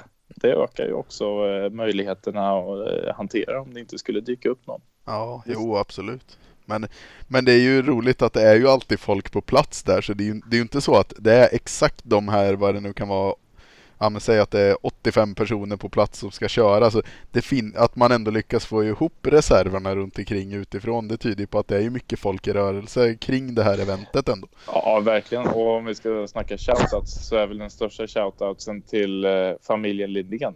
Ja, Eh, det känns som att det är en stor... Eh, de har ju många barn och det känns som att eh, ja, man går ju längre och längre ner i åldrarna där för att få in. Men eh, ja, de växer ju upp också. Jag menar, det- vi har hållit på i tio år nu så att eh, de, nu kan de ju sitta i K4 allihop och, och köra och det är ju guld värt för oss. ja. Nu är det nästan tvärtom så att alla är med från början snart så att då, då havererar ju det. Men Plan B får vi ta, ta tillvara på. Men det, det är väl bara... en ny stor kanotfamilj från Nyköping helt enkelt. Som bor nära klubben. Exakt. Shoutout. Ja. Efterlyst. Ja. Men eh, det är väl faktiskt bara, du pratar om att det är snart 10-årsjubileum. Det är ju bara fyra personer vad vi kom fram till som har kört alla upplagor hittills. Är det så få? Ja, Det kan- var lite färre stämma. än vad jag trodde, men jag var ju en av dem. Så det kändes ju härligt att man var en, en eh, ja, av på det viset. Jag såg nog kanske min bästa chans att vinna hittills eh, detta året. Både vad det gällde det paddelmässiga och eh, det utklädnadsmässiga. Men jag, Ja. jag kom, kom långt fram, men inte hela vägen. Men det känns Nej. skönt att man har det på pränt, att man kommer nog få en chans till. Ja, ja verkligen.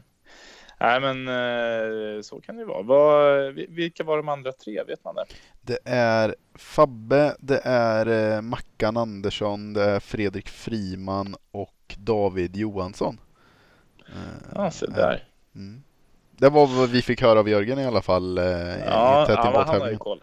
Som jag förstod det så var, tror jag att det var flera som körde fram till i år men att det var ett gäng som inte dök upp i år då, som hade kunnat hålla den streaken vid liv annars. Ja, jag förstår. Jag förstår. Ja, nej, men det blir kul. Och, och som sagt, nästa år är det ti- tioårsjubileum. Eh, eller Aktersen X som vi eh, väljer att kalla det. Mm. Och eh, ja, vi har ju bestämt oss för att göra lite annorlunda inför den här eh, omgången som kommer nu. Då. Eh, till exempel så har vi eh, vi drar ju in lite pengar varje år, även om det inte är många kronor, men eh, som blir liksom ett plus om man säger på arrangemanget och det har vi alltid lagt undan i en, eh, i en liten fond. Eh, och sen har vi använt det där ibland. Vissa år har, har det blivit dyrare än vad, vad vi har väntat med oss där, så det var bra att ha haft de här pengarna, men vi har sagt att eh, till tian här, då ska det fasen inte vara en spänn kvar. Mm. Allting ska kostas på. Eh, lite som vi sa, it's better to burn out than to fade away. Så Mm. nu ska vi satsa allt på ett kort. Det ska bli kul och vi tänker ett lite annorlunda upplägg. Vi kommer inte att droppa det idag, men vi har lite olika tankar och idéer om hur vi ska göra det här till ett speciellt år, ett avstamp in i någonting nytt. Eh, och vi har bland bland annat pratat om att ha ett begränsat antal deltagare och så där. Vi får se om vi, om vi kör på det. Men det kan vara så att det är bra att vara lite tidigt ute med anmälan nästa år. Annars har ju det alltid varit någonting som vi har löst. Men eh, Mm. nästa år kan det nog vara så att det kanske inte är så enkelt. Så det kan vara bra att tänka på om man är sugen. Ja, ja. Vi, eh, det kanske blir så att när ni har eh, fått definitiva beslut i, att, i vad som händer kring Aktersnurren X så får vi bjuda Jörgen på ett specialavsnitt så får han sitta och droppa allting här om eh, vad som händer och sen skickar vi ut anmälningen, anmälningsblanketterna i samband med poddsläpp. Ja, det tycker jag verkligen. Sen är ju frågan Danny Halmén, när kommer han och gästar? Eh, Alltså, han det- nämndes ju ganska frekvent i början, men sen så känns det som att han har gått lite under raden. Men han är ju konkurrent, så det är kanske är därför ni inte vill ha honom i studion. Ja, fast vi spelar ju på lite olika nivåer. Nej, Nej men eh, vi tar gärna emot Danny vid tillfälle. Han är ju Ja. bra på att förstärka de här avsnitten med eh, intressanta frågeställningar och sådär. Och Mm. input så jag tror att han skulle göra sig ruskigt bra i en podd. Ja, vi kan ju verkligen. erkänna att han har varit högt upp på vår lista av folk vi tänkt bjuda in länge men så av olika anledningar så har andra personer dykt in eh, som har kommit före i, i ordningen bara vad som har blivit bra. Så, men det är nog Ja. inte omöjligt att han får chansen att komma hit om han vill. Han kanske nekar oss. Ja. En annan Anders Karlsson-story för övrigt med Danny, just det här med att eh, det går lite bättre för er podd än för hans. Det är ju att eh, Eh, ja, men när det inte gick så bra för Danny i hans karriär så var alltid Anders Karlsson väldigt snabb liksom att påpeka för Danny. Danny, det är inte nu du ska vara bra. Ungefär som att han alltid hade framtiden för sig. Det var ju bara att det kom ju aldrig någon gång att ja, det var nu du skulle vara bra. Så det kan man alltid säga till Danny när det inte går så bra. Det är inte nu du ska vara bra. Han kommer inte till det. Han har inte hittat det. Nej, precis. Och det gäller väl eh, poddandet då, verkar det som. Det är trist. Han har inte hittat Det där kanske Ja. kan bli eh, avsnittets titel. det. Inte nu det ska vara bra. Nej. Nej men bra. Men eh, vad roligt då att ni har lite planer för Aktersnurren X i alla fall och göra det lite exceptionellt.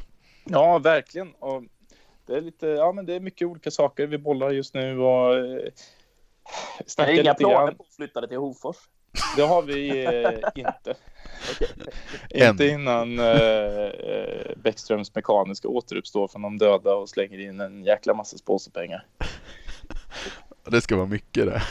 Ja, nej men eh, vi har lite huggs där på eh, en hemlig gäst, kanske fler.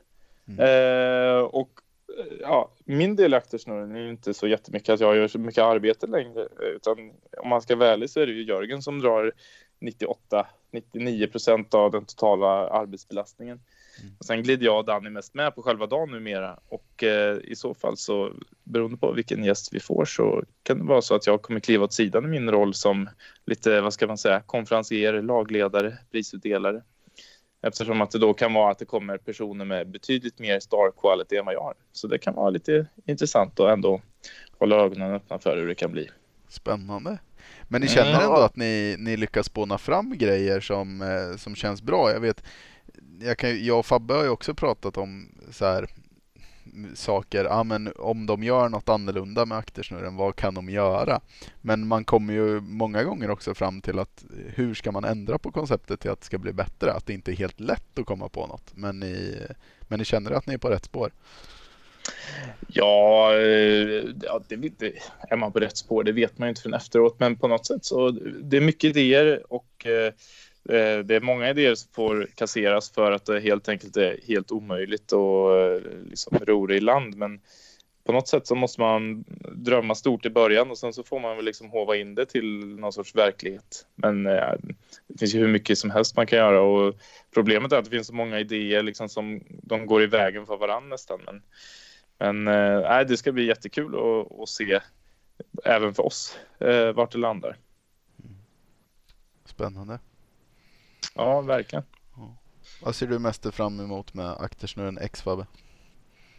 Eh, Ja, vad ser jag mest fram emot? Eh, nej, men alltså det man alltid ser fram emot när man börjar krypa sig eh, mot eh, oktober där är ju återseendet med, med alla kanotrelaterade. Och det blir ju ändå att man träffar folk ganska mycket under året, men då träffar man en eller två eller tre personer åt gången.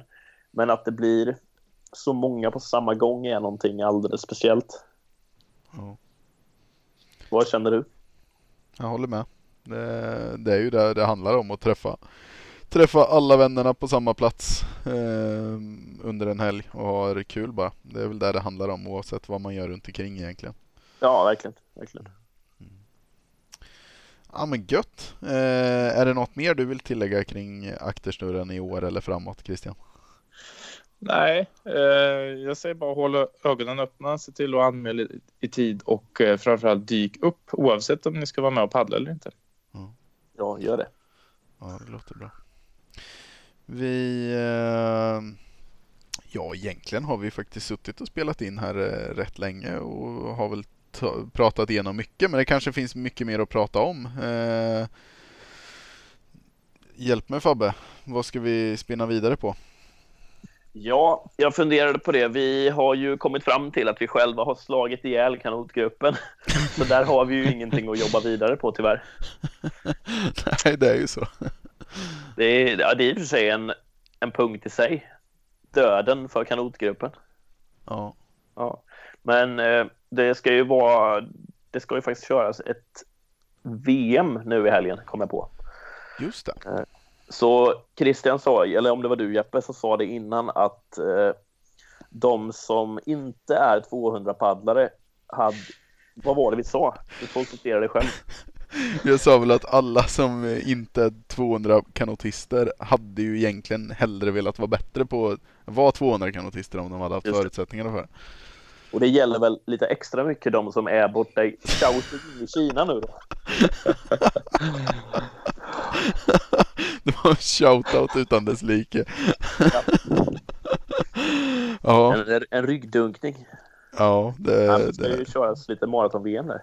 ja. Har du kört någon maraton Christian? Mm, ja, eh, det var ju återigen någon av de här eh, förbundets satsningar. Mm. Så jag körde maraton-SM i Arvika ett år. Ja, okej. Eh, sen har jag faktiskt varit med i Lilla Sportspegeln när jag körde Göta kanal en gång. Ja, Jag och Johnny Blixt. ja, det, Eh, men det är nog det, där det ligger tyvärr. Eller tyvärr, jag är skitnöjd att jag inte har gjort fler. Det jag hatar att paddla länge. Men du fick vara med i Lilla Sportspegeln så då var det värt det. Ja, verkligen. Och det var ju på den tiden man var, eh, ja vad kan jag ha varit, så här 11-12 år. Så då var ju maraton 4 kilometer. Det var väl ändå helt OK. det är perfekt. Och på tal om det här med att bryta så tror jag i maraton-SM i Arvika att jag inte körde mer än 2 kilometer kanske innan jag bröt. Men det, det kan väl räknas som ett maraton ändå. Det tycker jag. Jag säger ändå att jag har gjort. Ja, det är bra. Men eh, bara på tal om det här med Lilla Sportspegeln, där tyckte jag var lite kul för jag satte mig innan vi skulle dra igång idag och tänkte jag skulle googla på ditt namn och se om vi kunde få upp någon annan intressant information. Eh, det fick vi väl inte fram så mycket vi inte redan visste om, men det som är kul är ändå att det, från den här OS-händelsen som dök upp för dig så finns det ju lite artiklar från eh, ja, men det är radio och Expressen och så. Så du är ju faktiskt ett av de kanotnamnen som har fått mest publicitet i, eh, i nationell media ändå. Ja, yes. Det är, ju, det? det? är ju, det är ju varje narcissist dröm att vara känd som han som inte fick åka. nej, men eh, ja, det är kul. Jag har alltid eh, gillat att stå i centrum. Det ska jag verkligen inte sticka under stolen med, även om jag kanske inte odlar det lika mycket numera. Men eh, eh, nej, det är väl kul. Ja, men det är Det bara faktiskt- intressant eftersom det är Ja. ganska dåligt med det här i kanot annars. Ja, verkligen. Sen tycker jag att det har blivit lite bättre med eh, på senare år att det, det kan stå lite grann i DN och lite sånt där. Många på mitt jobb har ju koll på när, ja, men hur det går för ja, Petter och Linné i alla fall. Utan Mm. att jag för den skull berättar utan de säger ja fast jag läste i bladet att eh, ja, Mm. sådär. Så jag tror ändå att det är någonting som har blivit bättre. För det kommer jag ihåg när, när jag var liten så tyckte man ju att det var en ganska stor grej om det stod om, om paddling i riksmedia.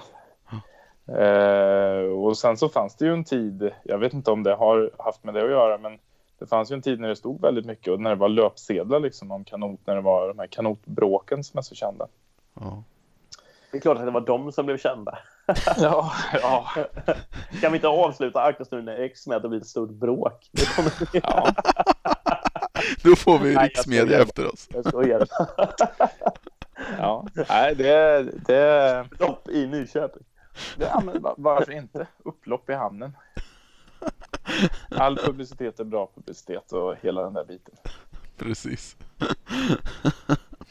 ja, Nej, men eh, jag vet att ni hade uppe det i podden här att det var ju lite grann den här eh, Sveriges Radio eh, journalisten där som verkade, eller om det var att kanotisterna gick ut och var lite kritiska till Peken och han snäste till lite grann tillbaks. Så Ja. det, det, man ser ju liksom att det är ju sånt som är eldfängt. Det är Ja. då det händer. Vad ja, tyckte jag du om den lilla rabaldern då? Ah, jag tyckte det var så tråkigt. Ja. Det var så in... Eller liksom man kunde ju... eh, Ja men... När man känner alla personer utom Peken då som jag absolut... eh, Jag tror kanske bara jag hälsat i hand på någon gång sådär. Ja. Men man vet ju liksom att ingen av dem där är ju sådana som går ut och liksom startar ett bråk. Det här kunde man ju liksom fatta direkt att det... Det här är ju ingenting. Det var konstruerat med andra. Ja, ja, det var ju min känsla i alla fall. Sen vet jag inte. Ja, Erik kanske var skitförbannad. Gick Ja. ut och skällde ut dem efter noter. Men på något sätt har jag svårt att tro det. Han är ju så himla sympatisk och trevlig kille. Men de har ändå tagit han liksom precis på bryggan på väg upp efter ett lopp där han förmodligen är besviken liksom. Jag tänker att då kan man ju skicka ur sig någonting. Och sen så har de väl gjort något som inte vi gör så mycket i våran podd, nämligen klippt. Ja. ja.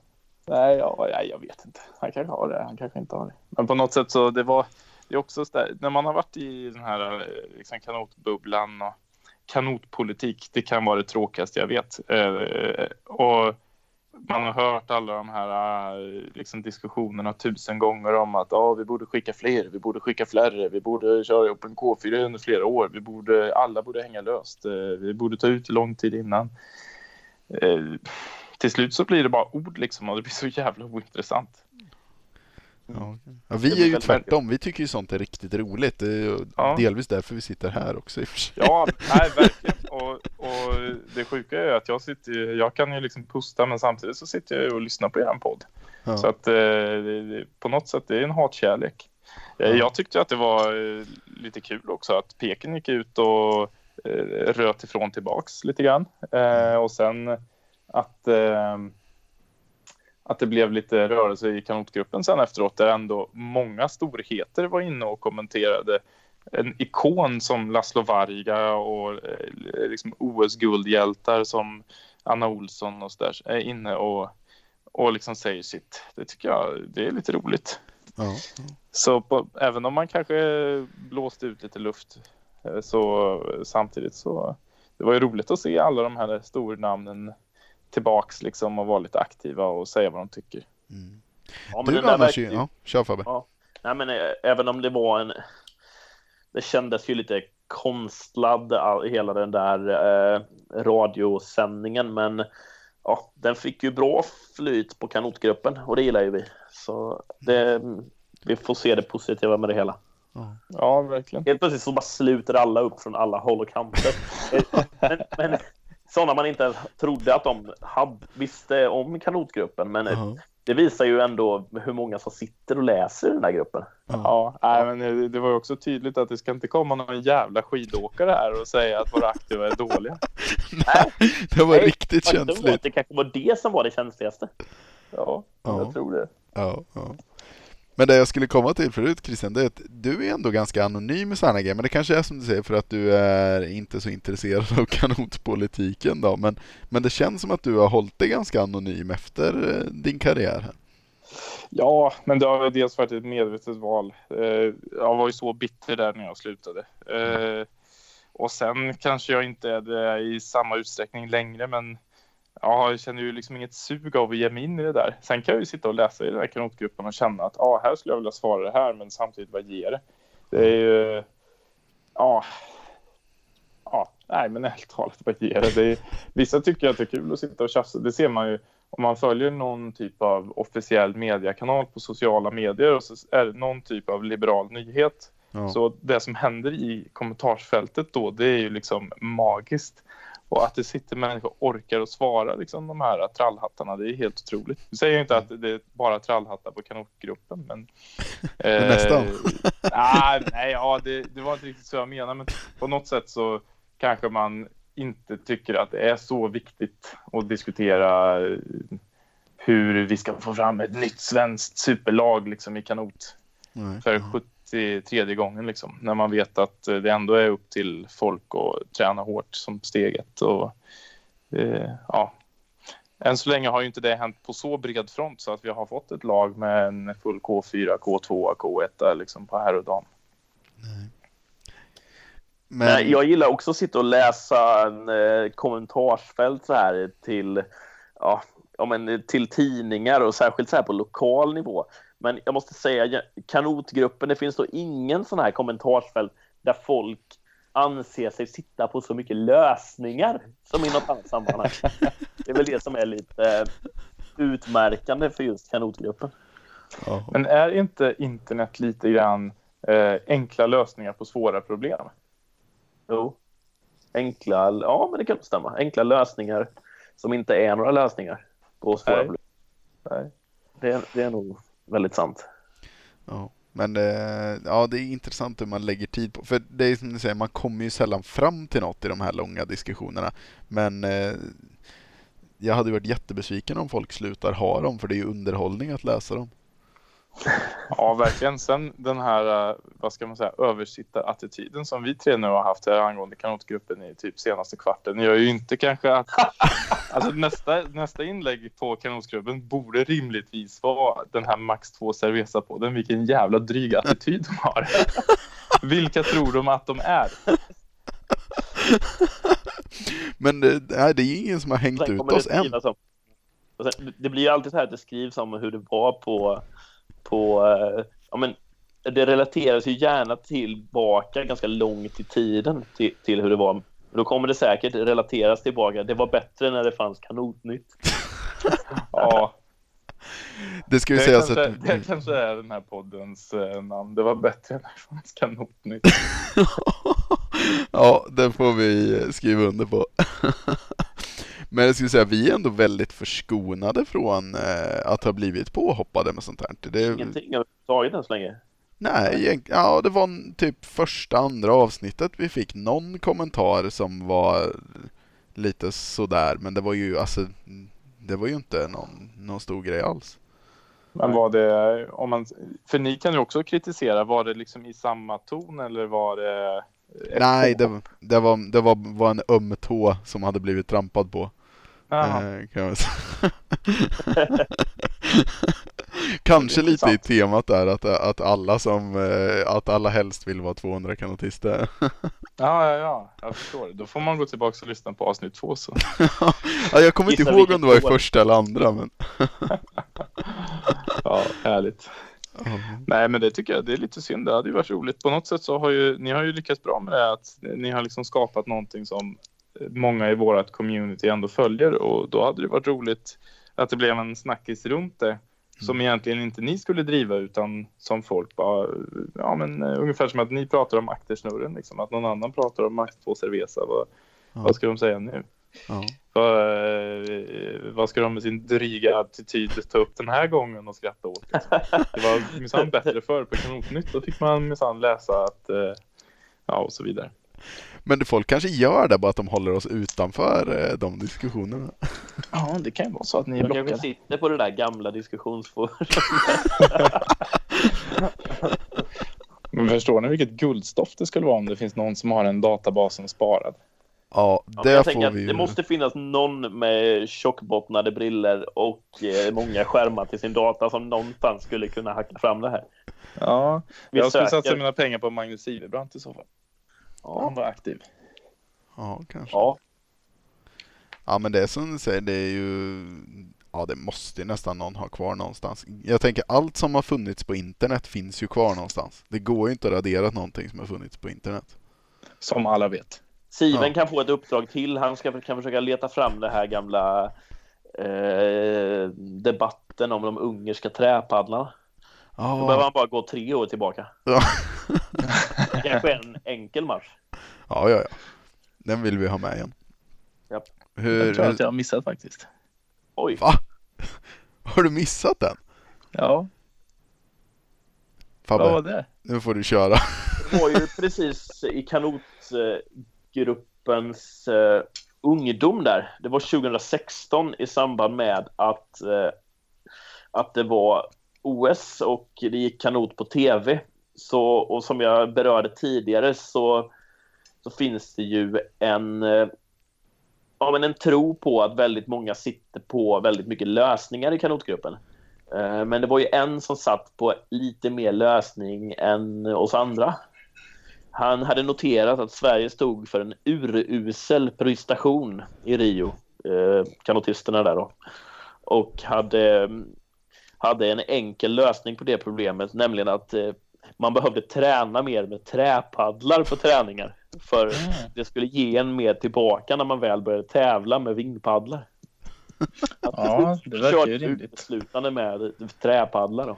Och han var helt övertygad om att alla ungrare gjorde så. Och därför skulle vi göra så. Ja, nej, men det, det, det är bra. Eh, nej, ja. Det finns ju säkert mycket annat som alla ungrare gör nu för tiden som man också blir jäkligt bra av. Ja, det... Lagom tillåtna medel. Nämner inga namn, men de finns att googla fram som har blivit avstängda. Ja, men det är helt otroligt eh, hur, eh, hur många de är. Ja, Nu, nu sitter inte jag på några siffror, men det är ändå relativt få som åker fast för doping. Men många av dem har ju varit ifrån Ungern.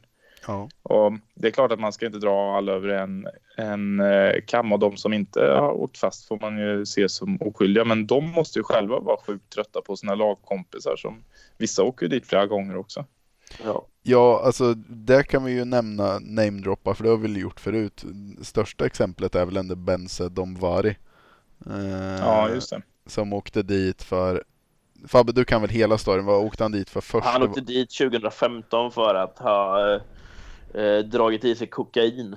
Ja. Eh, Just det. Han och Tamara Kipes va? Åkte dit samtidigt. precis. Det var en herre och en dam där. Eh, och sen så fick han någon så här förkortat eh, straff. Kom tillbaka till den här dyrspöjtävlingen där jag fick skjuts av en tysk.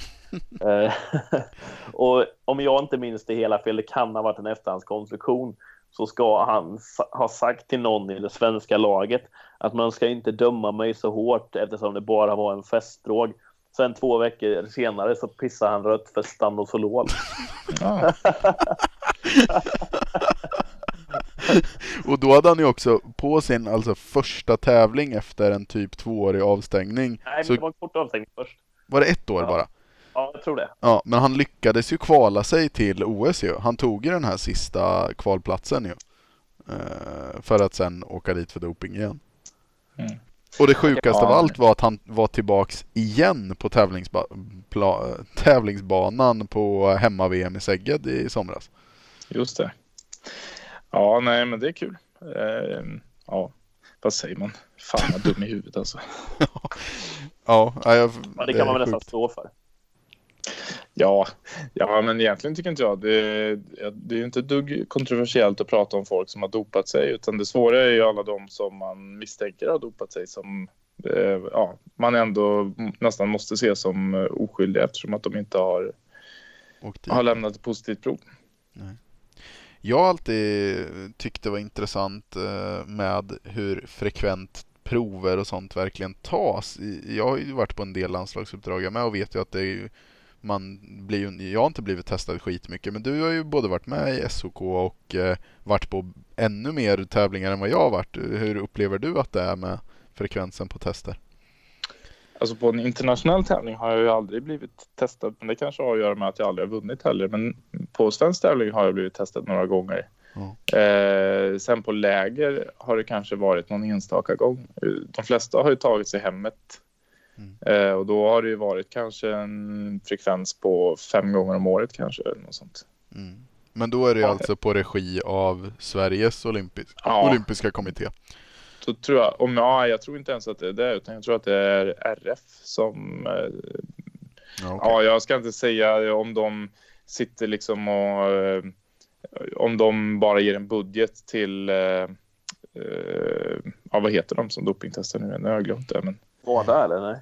Ja, jag undrar. Är de, WADA? de är ju säkert akkrediterade av WADA på sätt. Men strunt ja, samma. Men om, ja. om, de, eller om de bestämmer mer specifikt liksom att ja, men nu ska vi testa Christian eller nu ska vi testa den. Yes. Jag vet inte exakt har, hur det funkar. Har någon blivit dopingtestad på aktesnurren? uh, oh. Alltså på något sätt klingar det lite bekant. Ja, jag jo, jag, jag tror det har hänt faktiskt. Det, ja. För jag vill minnas att när vi kom upp från bryggan någon gång så var det någon som vart haffad eh, av en dopingkontrollant. Jag tror faktiskt att det har det. Ja.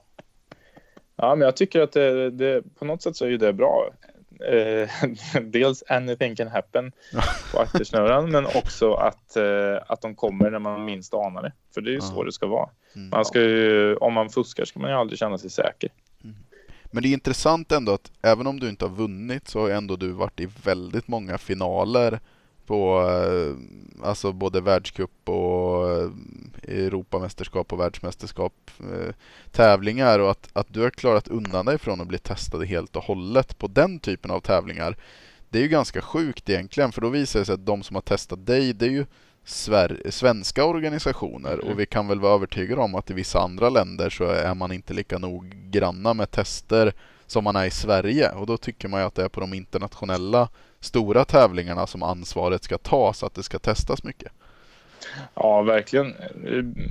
Man tänker ju att på ett VM till exempel så borde de, den största liksom, eh, mängden av testen tas. Mm. Eh, för det är då det är intressant att se om folk, nu vet jag i och för sig inte om det är så det funkar, men jag tänker mig liksom att det är då man vill, om inte annat säkerställa att folk är eh, rena åtminstone då.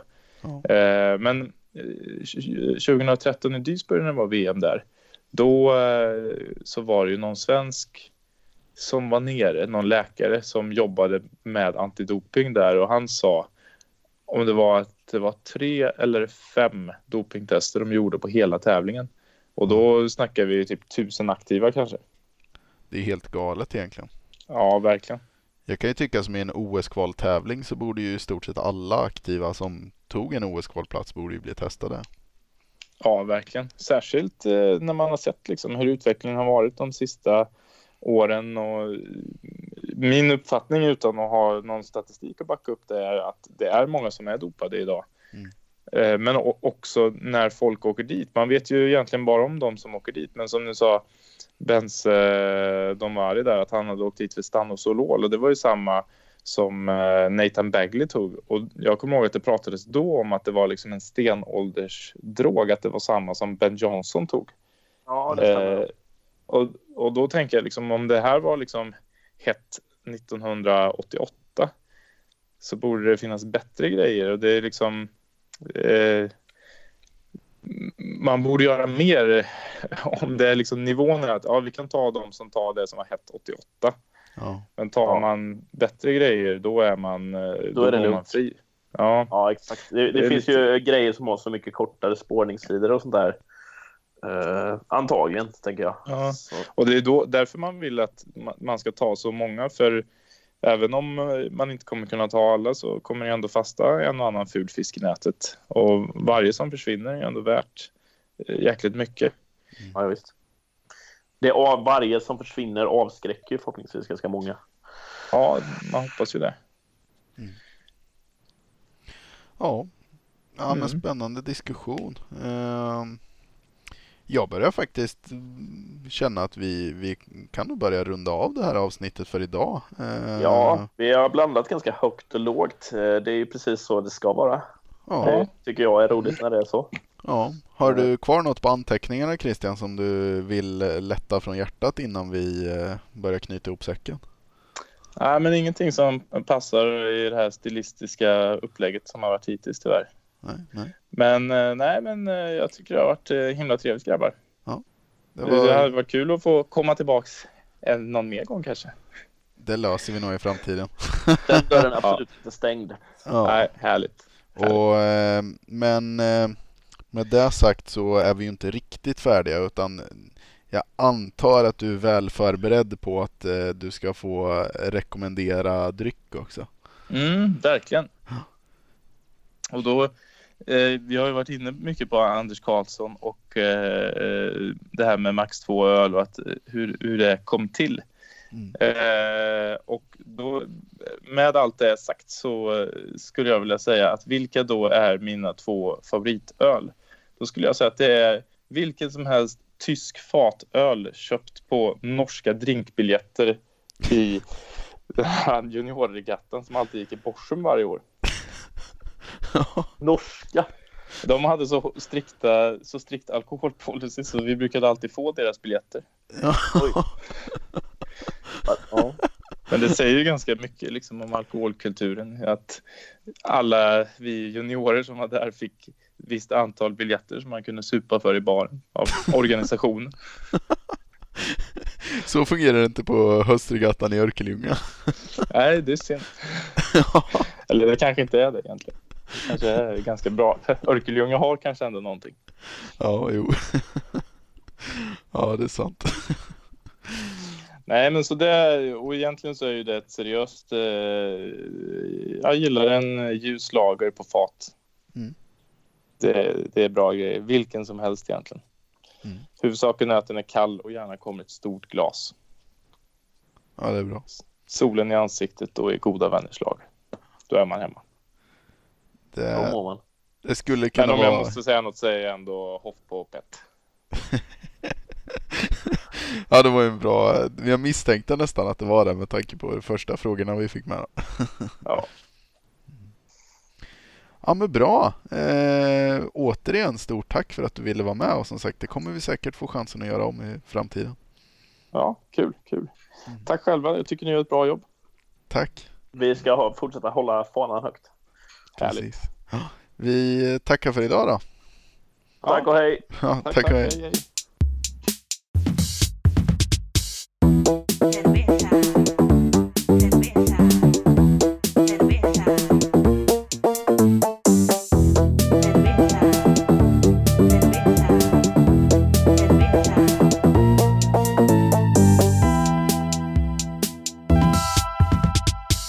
Cerveza. Yo drink mucho cerveza.